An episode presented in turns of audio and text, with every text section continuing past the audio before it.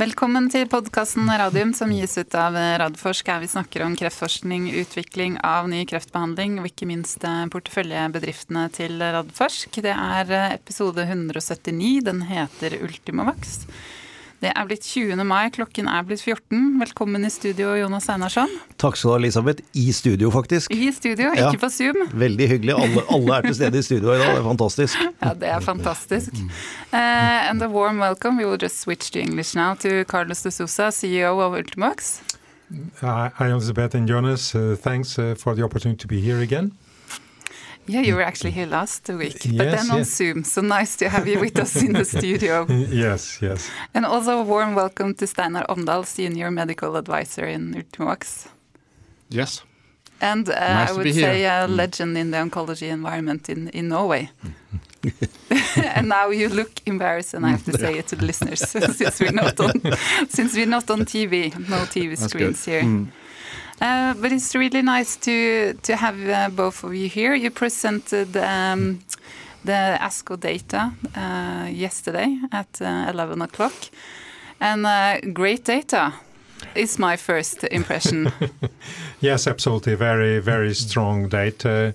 Yeah, we we we announced the the abstract that is of course part of the data, but as the, the, the key data from from the study, and then the full the full results from um, uh, from uh, the study, uh, 18 months follow up, then will be presented at the ASCO conference mm. um, between the 4th and the 8th by the lead investigator for the study. So. Mm we're looking forward to that uh, as well. Um, I think the, the full poster presentation will be uh, available on the Ultimovacs website uh, 4th of June at 1500 uh, Norwegian time.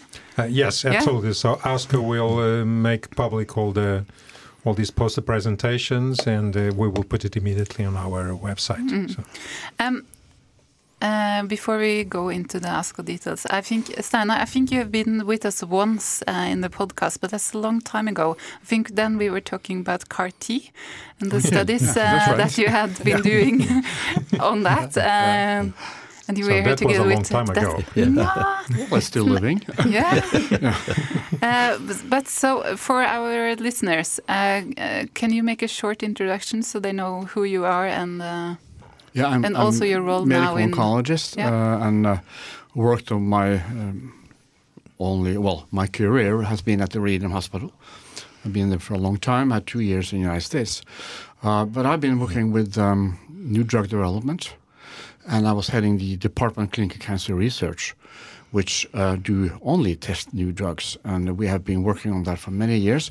And in melanoma, uh, we used to test different drugs uh, which could have had an effect, but that didn't happen. So it was until the uh, the uh, immunological knowledge um, changed, we knew what was wrong. And uh, so my main interest has been melanoma and immunotherapy, among many others. Hmm. Good. And we are very fortunate and happy to to have Steinar now uh, collaborating with us because it's uh, it's a real asset to have. Besides being a legend, is also very the key asset uh, for the company. Mm. So. And and for those who our, our, our listeners who are not familiar with ASCO, uh, you have been to ASCO several times. Uh, well, more than several. Uh, more than 20 times. More than 20 times. Yeah. What, uh, how would you describe ASCO and how hard is it to get act an actual poster presentation at ASCO? Well, ASCO uh, is done? the largest uh, cancer meeting in the world. I think last year it was 45,000 participants from 138 countries. And that gives us an opportunity to present uh, data and uh, but it, it's uh, it's not easy to get uh, posters at ASCO, so a lot of the uh, posters are turned down. But this poster went in because the data was so interesting, mm. and it's an important important meeting to be to because then you can do networking with other oncologists in other countries, and so that has many many uh, uh, good spin-offs. Hmm. And and now when it's digitally, is there even more people following then? than when it's a physical conference? I don't know. The year before, last year, uh, yeah. there was 42,000 uh, mm. there, and that mm. was physical. Mm. Uh, now, when it was uh, not physical, it was 45,000. So, yeah. well, it's not that easy to follow, I, I must say. Mm. And I've been looking at the AACR, which are the preceding meeting. Uh, so it's sort of, uh, you miss some important aspects. one yeah. of those are being able to discuss the results. Mm. But but I think that uh, you know I think with the other conferences is the same. You get you get a bigger audience because you know of course you don't need to. It's it's less expensive you know because you don't need to travel hotel and all that, and of course gives more uh, uh, possibilities of people that normally wouldn't be able to travel to ASCO mm. to at least attend. You yeah. know? and uh, so I think. Uh, uh, and this is this is mm, great uh, news and the opportunity for us to, to, to bring this, as Steinar was mentioning, this visibility to, to the medical community. Because if you have something at ASCO, mm. you know, among you the 45,000 people, you know that mm. yeah. a big number of people will will pay attention. Yeah, you know. absolutely. Because the key opinion leaders from, from all over the world is following the clinicians, the, the large yes. pharma companies, the small biotechs, everyone is there. Everyone. Yeah. Mm. Have you been to ASCO? Oh, yeah, several yeah. times. yeah. I've just Among, been. Uh, I am, have you as well? So I'm yes, the only yes, one. several yeah. times. Yes, yeah. yeah. Usually I just uh, tag along behind the Steinar because then I meet interesting people because he has a, a network that no one else has. So uh, I'm, I'm, sort of just sneaking by and say, "Hi, Steinar, are you talking to this guy? Can you introduce me?" So that's very good. And then he will introduce you to Jim Allison or something like that. So. yeah, actually did one area. Yeah, okay, good. I was actually just guessing, I didn't know. Amazing. Okay, but then uh, we have to dive into the data that you um, will present there and also that you released uh, yesterday. So these are the data from a phase one study where the universal cancer vaccine UV1 is combined with a checkpoint inhibitor, uh, pembrolizumab in this case. Um, and this is now a standard treatment for a lot of cancer indications.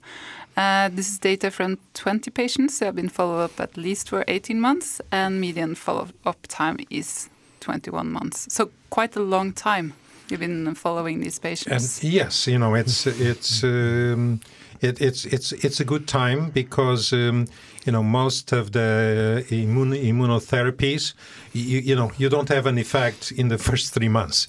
So so this this gives us a, a good a good time to to really assess the the, the impact. You know just as an example we mentioned this morning when we had the webcast you know when we submitted the the, the abstract uh, back in February we had uh, five patients that had a complete response, and we will talk about that. But now, you know, in May, just a few months later, then we have one more patient with complete response. So, so this this period of time, the uh, 18 months is a good is a good cut to to really start uh, seeing that effect. Hmm. So it's hmm. um, um, it, it's a good set of data that really. Uh, as we will talk later on, really shows the uh, uh, the differences to, to, to the standard of care. Hmm. I just wanted to ask you before we go into the data, Steinar. Um, these patients, they have uh, malignant melanoma with metastasis. Also, how how ill are these patients? How would you describe them? Well, most of them, you know, they have they have a lung metastasis on in their liver or other places, but the general condition is is quite good. So you wouldn't see uh, on that patient that he has advanced cancer, but they uh, look well and they can take the treatment because the immunotherapy is not an easy treatment to get, but is also the most efficient. Hmm. So um, I, maybe I didn't say that. Um, nothing worked until this came. Hmm. On on these patients. Yes. Yeah. So mm. immunotherapy for them was like the difference between life and death. Yes, absolutely. Uh, yeah. And uh, well, I don't know if you have time to get into that, but the, the duration of the response is is uh, fantastic. So we have at this hospital, we had patients we treated now for eight nine years ago, who had metastasis, and some have some lesions there and there, but they're alive, haven't had treatment for um, maybe seven years. Hmm. So the question is that maybe these type of immunotherapy can cure patients. Hmm.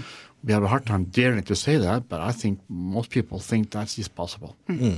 Because this is the long tail, and I think you were the one uh, who first told me about this long tail that you see on the plots. Yes, yes. tail of the curve. Yeah, it's uh, it's amazing. Um, now to to the data, Carlos. Can you just walk us through them? And I know you also have some comparison with uh, keynote was it six zero six, zero six with yeah. pembrolizumab, which you have chosen to benchmark the data with. Uh, yes, and I think you have chosen this benchmarking quite uh, carefully. Yes, we we you know the, the the study that we are reporting the data and we announced is UV1 uh, added to pembrolizumab. It is the one of the standards of care to treat melanoma. The other one is uh, the combinations of ipilimumab and nivolumab. But uh, sticking to pembrolizumab, so you know, in in in a phase one, uh, normally the, you you don't do comparative trials, so you need to rely on historical data. So we were very careful in in choosing. Okay, what is the data from MSD that uh, you know, as you know, uh, owns pembrolizumab, that will be the most appropriate. And the the the study that uh, Merck Sharp and Dohme used to get approval uh, for in this indication is the uh, Keynote 006. Um, and the advantage here is that they were very precise in and separated the different uh, groups of populations. So, you know, our patients, although as Steinar said, you know, they are they have um, multiple metastases. Uh, but it's what we call naive patients. So they they they had, so when they had already metastasis when they were diagnosed. They haven't received any treatment before. So we also needed to select the, the within the big uh, keynote 006. What was the group of patients that uh, that had were similar to to our patients, and that's why you know if you look at uh, keynote 006, has many more patients, but uh, the subset that uh, you know is is similar to our patients is 279 patients.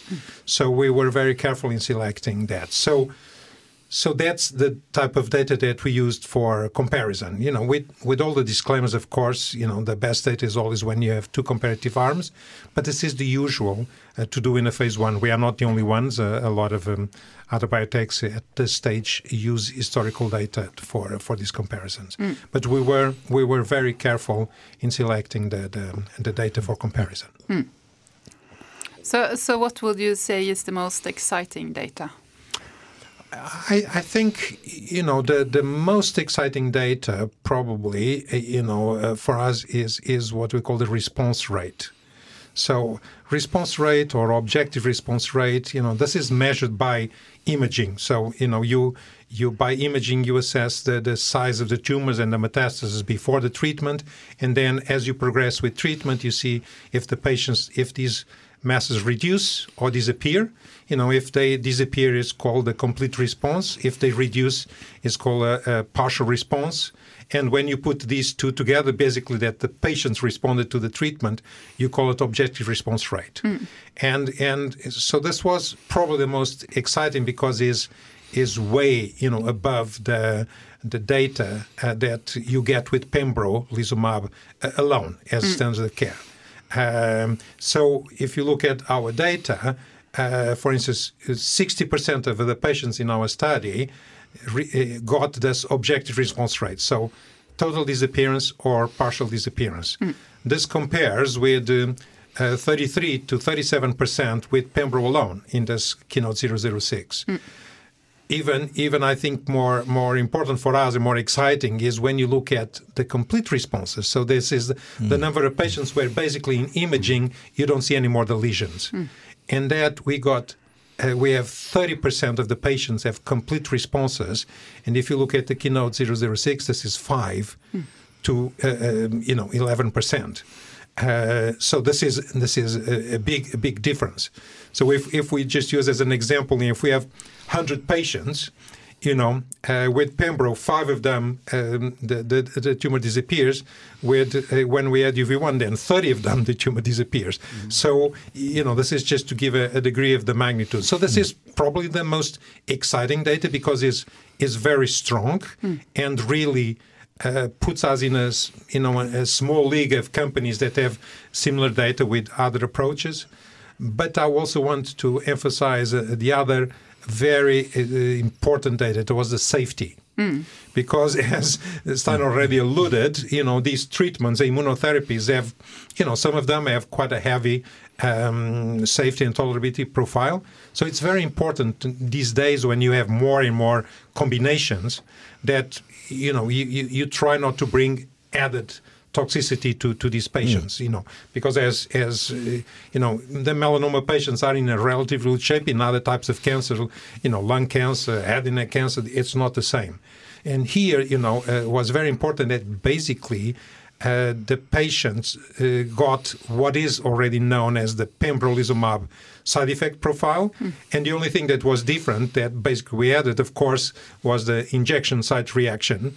You know, because of course we are giving we are giving the the, the vaccines, uh, and but all the the side effects were what we call grade one and two. That is the lowest grade. Mm. So uh, so very, very, very good mm. safety profile.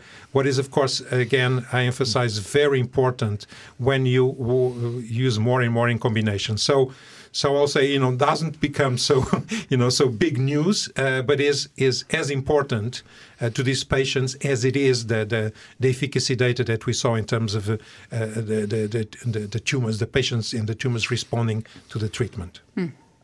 And Steinar, from uh, from your experience and uh, your point of view, how would you eval evaluate these data? How good are they? I think they are very good. I mean, uh, we have also a complete response rate, which is twice or even even more than you see in, in the previous trials with the pembro alone. When you give it combined, you, you increase that substantially. And we know that the complete responses are very important because we know that these patients may have very, very long-term effect of your treatment. So that's uh, for me, it was very important to to see that high number. Mm. So it was a bit surprising even to me. I mean, I would well, you could increase it. That would be nice, uh, but it was more than I expected. Mm. And the chairman no. of the board? Yeah. That's a good, good Ultimovacs. Em emphasize that I'm, I'm the chairman of the board, yeah, so we always I, have I, to say I, will not take the journalist part in, in, in this one. No, I, I mean, I'm, I'm, I'm really excited about this data, and I've been following uh, this project uh, before it became Ultimovacs, uh, actually, and working together with Steinar and, and Gustav uh, Gaudernack. Uh, and uh, the progression is has been fantastic. I mean, we started it uh, just trying it out as as a monotherapy with the, with the vaccine and nothing else to see the, the safety data on it, and we also got some signals that it could have some effect. And then uh, the first CTLA-4 came on uh, on the market, and uh, we started the the first trial with a combination of uh, of Yervoy and UV1, uh, and saw some very good, exciting signals there too uh, and then move on to do it together with Pembro, and we get this fantastic data, and then of course the Initium trial, which uh, com combines all three of them. So uh, it's been quite a journey. Hmm. And um, I mean, the, these data are from from the phase one study. So, so I think the total of patients there are 30 because you have two two mm -hmm. cohorts, which is now uh, everyone know what a cohort is after the pandemic. We're all true. medical experts. two arms, I think we would say uh, before, um, and then also you have um, you have uh, four uh, phase two studies that are in in uh, I mean they have they are starting or they have started where you will include uh, more than 500 patients uh, all over all over the world, and also uh, as you said today on the webcast, you will combine them with was it the four most sold uh, yes. pembrol no checkpoint, checkpoint, inhibitors. inhibitors. Yes. pembrolizumab, ipilimumab, nivolumab, and durvalumab. Good. That, that is the AstraZeneca drug. So, mm. so uh, uh, Merck Sharp and Dohme, pembrolizumab, ipilimumab, or Yervoy and uh, and Opdivo, the nivolumab from Bristol Myers Squibb, and uh, and durvalumab that is from uh, AstraZeneca. Yeah. Um, yes, absolutely. So that and that is one of our objectives. But if you know, just just going a little bit uh, back uh, to say, you know, uh, as I said, this is the first group of patients. Uh, with 20 patients, we are going to have the the second group, the the additional patients. So when we put them all together, mm. because you know, the only thing that differs in between these two groups is the is the dose of the adjuvant GM-CSF um, so so then even for a for a phase one one two slash two study like uh, like it is the study, it's already a, a good number. You know, so um, these results even with this small sample. Um, are are observing very few very few these combinations with checkpoint inhibitors. You know, mm. so I don't want to go now into those details, but this is this really puts us as a, as a, as a kind of a separate league of companies that have combination with checkpoint inhibitors where you can get these type of results. So very exciting, and of course even more, making us, uh, you know, very happy that we, we were able, as a company, and with the support uh, uh of our board and uh, all the shareholders, to basically uh, put in place this very ambitious phase two program. You know, mm. um, so so as you already mentioned, so we have we have a, uh, the Initium study that is in similar group of patients, but this time in combination with ipilimumab and nivolumab and and basically pembrolizumab and ipilimumab and nivolumab split split the usage in in this type of melanoma patients. So we're basically covering covering the standard of care uh, with pembrolizumab in, on one hand and ipilimumab nivolumab. Uh, then then we also have the um, um, NIPU study um, that is in um, second line mesothelioma, mm. that is a, a, type of cancer normally caused by exposure to asbestos. It's still very, very, uh, very relevant in in a lot of countries, uh, and, and, that study is important by, for two reasons. You know, first because it's is um, is an indication that is um, a very high unmet medical need, um, and is is is considered or, orphan orphan disease um, but also gave us the opportunity that together, uh, you know, sponsored by the Oslo University Hospital, uh, puts us also in collaboration with Bristol Myers Squibb. So, as Bristol Myers Squibb and the Oslo University Hospital, you know, are basically contributing, collaborating in that study. So, or, so both the Initium and the NIPU study already started enrolling patients last year, and we continue to enroll patients. Then we have um, another study that is the DOVACC study that, and this is in combination with the checkpoint inhibitor I mentioned, durvalumab, mm-hmm. but also with a different class uh, of, of, therapy that is olaparib, is what is called a PARP inhibitor. And, this, you know, if you look at the webcast, we had a, a graph with all the different approvals in the different uh, uh, from the different products, and uh, olaparib is standard of care in a, a, a, set of cancers like ovarian cancer, and that where the, the checkpoint inhibitors are not. Mm. You know, so so in this study, so gives us the opportunity a new indication, ovarian cancer, but also to combine with another checkpoint inhibitor and a, PARP inhibitor. On top of that, this is also collaboration with AstraZeneca. So we supply UV1, AstraZeneca supply the products, and the study is run basically by the top European organization for gynecological cancers. That is the ENGOT is the big the big um, uh, European group, but the study is run by the Nordic Society of Gynecological Cancer. And I can tell you that uh, we, we, there was a lot of interest from different countries to participate in the study. So we are going to have, uh, you know, approximately 10 countries, more than 40 centers involved in the study. And there's a big study, 184 patients. And then, uh, you know, the fourth study is in head and neck cancer. And, and, this is a terrible cancer. You know, Steinar probably, you know, will mm. tell you more about it. That at the moment, you know, uh, pembro, pembrolizumab is the, in the standard of care, but with very, very poor efficacy. You know, less than 20% of the patients really respond.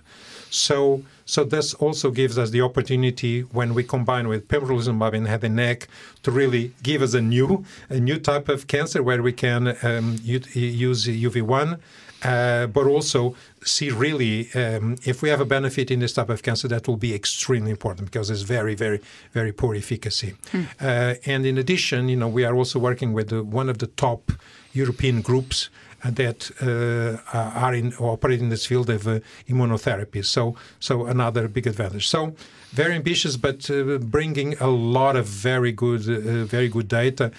And if we see in, in some of them. Um, similar type of results as we saw, you know, now this will be this will be transformational. Mm. Mm. And all, all these studies are randomized, uh, Carlos. I yes. think that's a very important point.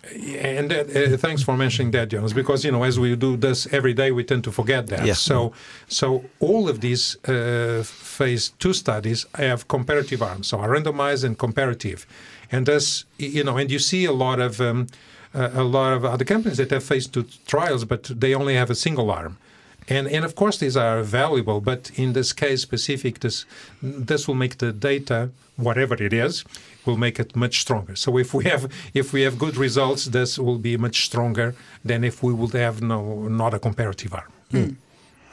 Yeah, because I, I think it's uh, it's uh, two points I, I, would like to to um, point out, and the first is that three of these four studies that you're mentioning, they are driven by um, clinicians, initiated by clinicians, driven by clinicians. Uh, how common is that, Steinar? That you have uh, one company and you not, have so not very common, no. but I mean it's uh, it sort of uh, tells you that this is an interesting trial. Uh, because clinicians are kind of choosy. I mean, they don't want to get into trials and without that lot of work which it can improve. So you have to be sort of convinced that this is something which could work. So that's in a way a, a good thing for for UV1. Hmm. So, but I, I, had another comment which was uh, uh, the. Um, the vaccine is we, tested now in melanoma is, is got the farthest, and that's because that, that tumor is quite immune sensitive. I mean, it's sensitive to immunotherapy. But of course, there are other trials and other tumor types, as you said, um, Carlos. Uh, one may wonder why why is that works in melanoma, would you expect it to work in, in other tumors too? But that is because this UV1 is a vaccine. It goes for one of the most critical things for a cancer cell. So 80 90% independent of the tumor type does express this uh, antigen which we are vaccinated on. So that makes could make it quite you know useful for many tumor types. Mm. But of course we have to show it. Uh, but uh, potentially I think that is possible. Mm.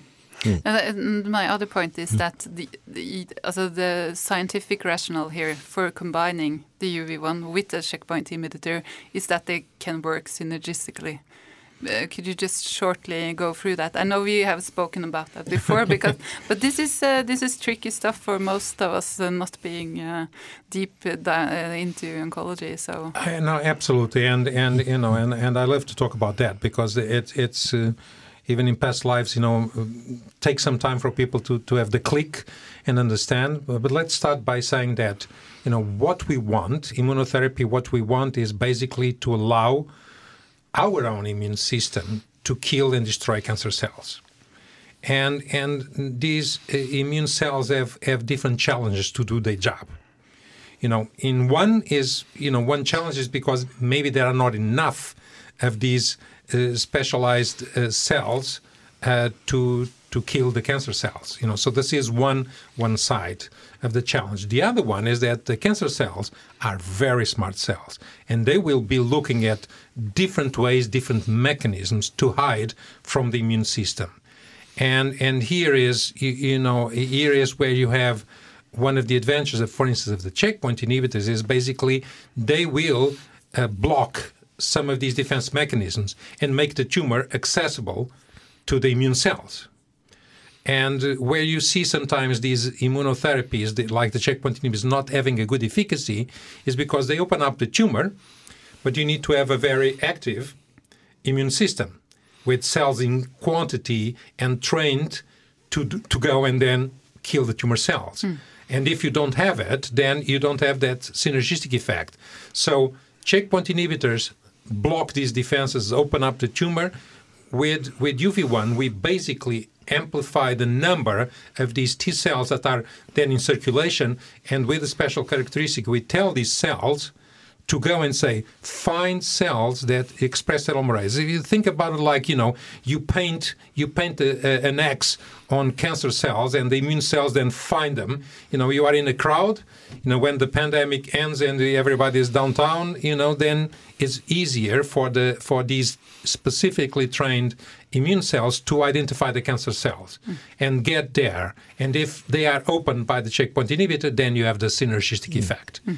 And a very important part that sometimes you know people don't forget is that because this mechanism happens in the whole body, it doesn't matter if it's a primary tumor or the metastasis, the immune cells are looking for these cells wherever they are, mm. regardless if it's the primary tumor or the metastasis.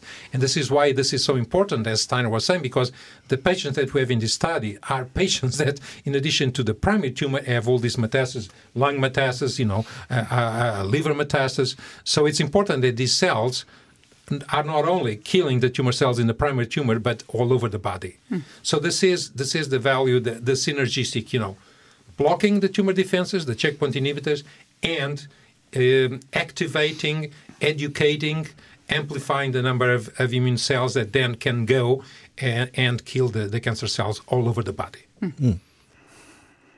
This uh, this is exciting, and these uh, these uh, data that uh, that will be shown now at uh, ASCO. How how uh, what do you think they will be looked? how do you think they will be looked upon by the big pharma companies? I mean, you are in contact with several of them and in collaborations with some of them also.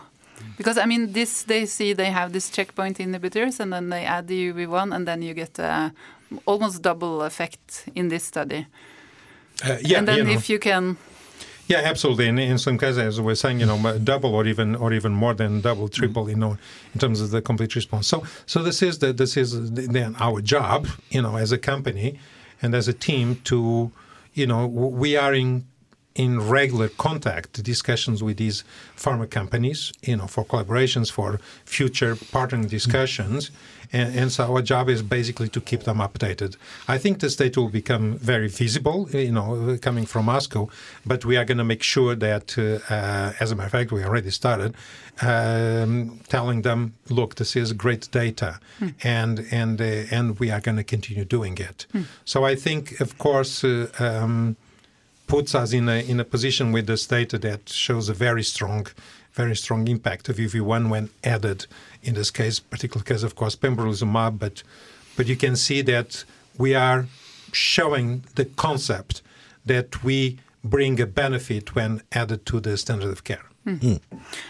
And checkpoint inhibitors being standard of care for some cancer indications, and then you add the UV1, which you say is have mm. good safety profile. You don't see any uh, other side effects than the, than the checkpoint inhibitors. Uh, what do you think, Steinar, when you're looking into the future here? That is an important point to take up there because uh, traditionally oncologists will add on new drugs in the combination. But when you do that, you are punished by one thing, the patient is punished by one thing, that the toxicity increases. So when you see that UV1 does not increase the toxicity of pembro, it's, it's sort of, you know, uh, it's very good for us to know as clinicians uh, that we do. And we still have a, a better complete response rate. But another thing one could add is also that in the future, we are now uh, at the moment with stage four disease, meaning or stage three C disease, meaning advanced uh, cancers in all of these uh, tumor types, we are not testing the drug again. But of course, we would like, as oncologists, I would like to move the treatment maybe earlier on. I mean, with less um, advanced disease, uh, maybe uh, in the primary tumor, sometimes, sometimes uh, maybe during, before you operate on even, or even before that. And, and in my opinion, is the potential that this drug or this vaccine with so low toxicity could probably or may at least work in that situation too. Mm. That would be very exciting. Mm. Yeah. really. Absolutely. Um, I think I'm at the end of my questions. Do you did you have any other comments before uh, we had just one question from the listeners? I saw you had a lot of quest uh, questions on the webcast today, so I think everyone now they are like maybe we asked maybe them all. no, and, and, and, we encourage people. Sorry, yeah. Jonas, and we encourage people to to to to access the the the, the um, recording of the webcast because uh, of course is we have the visuals you know we have a lot of these questions that probably have that we try to address there so um, uh, we will uh, encourage people to to to mm. to to, to look at it. yeah, absolutely, because it was, uh, I mean, the presentation from uh, Jens Bjørheim was very good, and it sort of puts this data into the right context, and that is important to understand. So I will absolutely agree with you there. And also, I was very positive surprised that there was so much and so good questions. Yes. In, in, the Q and A because I'm not I'm not used to that when we do webcasts in our, in our companies. But uh, th these were really people who were very interested and understood and and uh, there you also had some questions about uh, you have uh, asked uh, what about big pharma and all the clinicians will they look at this data? Yes, I think they will, but there is also this question about uh, the regula regulatory uh, authorities, and of course you will also use this data in your further talks with with with, with FDA and EMEA. absolutely, you know. So, so we definitely this uh, data will be used for the discussions with the authorities. You know, is is is what we we need to do, and then uh, um, and and you know let let's see if they they they will get as excited as us. But I think this uh, this is very strong, uh, very strong data, and as I said, you know, very very few biotechs have this level of results, and uh, and so we will uh, definitely maximize the usage towards the potential partners, mm. pharma, you know, the authorities and the medical community, very important. Uh, uh, but also, of course, when we talk with uh, with the investors, you know. Mm. So. Yeah. Good. Um, we have one question from uh, from a listener. Um, what is good data compared to standard of care or compared to other drugs in development? so, yeah, I, I, can start here if if you don't mind, you know, because uh, and this is the part when we started where we need to be very careful, you know, and we are we are very careful. Uh, you know, I could compare how does this data is comparable with, for instance, the, the, the, response rates of other combinations. And as I said, very, very, very, very, few companies have this level of response. But that is is difficult to compare because these are different mechanisms, different number of, um, of administrations, you know, different different tumors. So it's important here that you know it's good data that we compare with the standard of care, the drug that we are combining with when used without UV1. So, so that's how we compare. So this is, if you compare that we have 30% complete responses and pembrolizumab has 5 when used without UV1, we can say, you know, despite being not being a direct comparison, that we can say that it's very good data. Mm. You know, and the same thing for the overall response rate and for the for the median progression-free survival. That you know we also is basically as Steinar says, you know, is is is is more than double, and um, and this is the this is the the, the time uh, that patients take to to progress. So uh, the longer it is the time, the better. As a matter of fact, you know the better result is that you don't you have not yet even reached the the, the median. Uh, like for instance, we have with the overall survival. So we have 80% overall survival and the median overall survival that will be the you know the middle patient that you know that then uh, doesn't you know doesn't survive is not yet reached so mm. uh, so that's so that's why we were very careful as we mm. talked earlier on that we when we compare is what will be pembro doing alone mm. So we, we really have to wait for the data from the randomized trial because then one arm will be the standard of care and the other arm will be the standard of care plus UV1 and then we will sort of get data that we really, really can show this this is what UV1 does. But this uh, in this trial we have a very strong indication. Well, and you know, good data. You know, it's not possible to give a number of increase in, or improvement of some percentage. Uh, but I think, uh, as we saw here, remembering though that this is a small trial, and you compare a small trial with a large trial, and that maybe some caveats there, but um, a doubling of, of uh, CR, a complete response, is for me very important, and also that the toxicity is is low, so the gain you have is is very high actually, without um, pestering the patient with more toxicities. Mm. I think we'll leave that for the final word, uh, Steinar.